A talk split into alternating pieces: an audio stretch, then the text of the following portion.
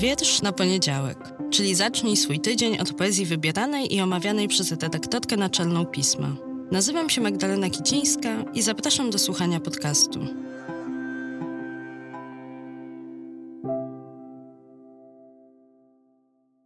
Partnerem podcastu jest wydawnictwo Warsztaty Kultury i festiwal Wschód Kultury Inne Brzmienia.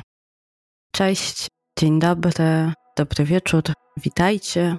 Dzisiejszy odcinek nagrywam Wam dosłownie w drodze z jednego festiwalu na drugi. W czwartek w Krakowie miałam przyjemność w ramach trwającego tam festiwalu Miłosza poprowadzić seminarium, którego patronem był Adam Zagajewski. Seminarium, które zatytułowane Budowanie na zgliszczach było taką okazją nie tylko do tego, żeby czytać, słuchać wierszy czytanych przez poetów, poetki, ale też zatrzymaniem się przy nich, obok nich, namysłem. Bardzo to było dla mnie ważne wydarzenie, bo podczas festiwalu Miłosza właśnie takie chwile namysłu, trochę przeciągnięte, wyrwane z typowo festiwalowej gonitwy od spotkania do spotkania, bardzo, bardzo lubię. A w tym seminarium wzięli udział Mita Rosenthal, Ariel Rose i Ilia Kamiński, którego książka Republika Głuchych w przekładzie Anny Łazar właśnie ukazuje się nakładem wydawnictwa Warsztaty Kultury, co idealnie zgrywa się z drugim festiwalem, na który zmierzam, to znaczy na zapowiadane już tutaj w zeszłym tygodniu lubelskie inne brzmienia. W kolejnym podcaście za tydzień przywiozę Wam stamtąd poetycki prezent, ale dziś jeszcze zatrzymam się przy tamtej krakowskiej rozmowie i wierszach Kamińskiego, bo kiedy słuchałam w Pałacu Potockich czytającego fragmenty swojego poematu poetę, to byłam bardzo poruszona też charyzmą i głosem, i tonem, i też sposobem, w jaki on prawie wykrzykiwał te teksty. No a też tytuł spotkania, to budowanie na zgliszczach, Oczywiście możemy różnie interpretować.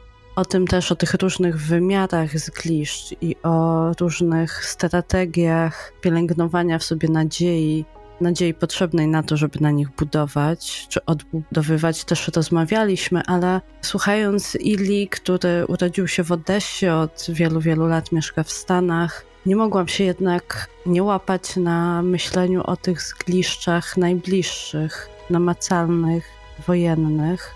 I choć jego poemat nie jest stricte zapisem wojennych doświadczeń wojennych w kontekście wojny w Ukrainie trwającej od wielu, wielu lat, rozgrywa się w oderwaniu od bardzo konkretnego umiejscowienia w czasie i w miejscu, to jednocześnie jest bardzo o tym, o czym myślimy, słysząc o kolejnych wydarzeniach w Ukrainie, o kolejnych śmierciach, jak pisarki Wiktoria Meliny, którą w tym tygodniu pochowano.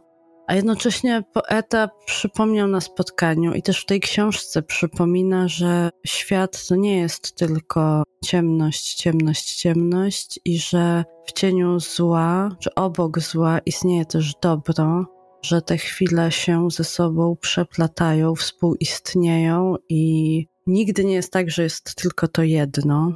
I chyba dlatego wybrałam z Krakowa dla Was wiersz, który ten tom otwiera, żebym sama też o tym nie zapomniała i żebyście Wy też o tym pamiętali, więc dlatego dzisiaj wybrzmi w moim wykonaniu, nie w wykonaniu autora. Podczas wojny byliśmy szczęśliwi.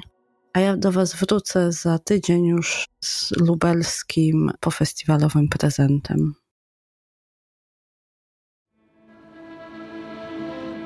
Podczas wojny byliśmy szczęśliwi. Kiedy bombardowali cudze domy, protestowaliśmy, ale niewystarczająco. Stawialiśmy opór, ale niewystarczająco. Byłem w łóżku. Wokół mojego łóżka Ameryka popadała w ruinę. Niewidzialny dom za niewidzialnym domem za niewidzialnym domem. Wystawiłem na dwór krzesło i patrzyłem na słońce. W szóstym miesiącu fatalnych rządów w domu pieniądza, na ulicach pieniądza, w mieście pieniądza, w kraju pieniądza, w naszym wielkim kraju pieniądza, my, wybaczcie nam, podczas wojny byliśmy szczęśliwi.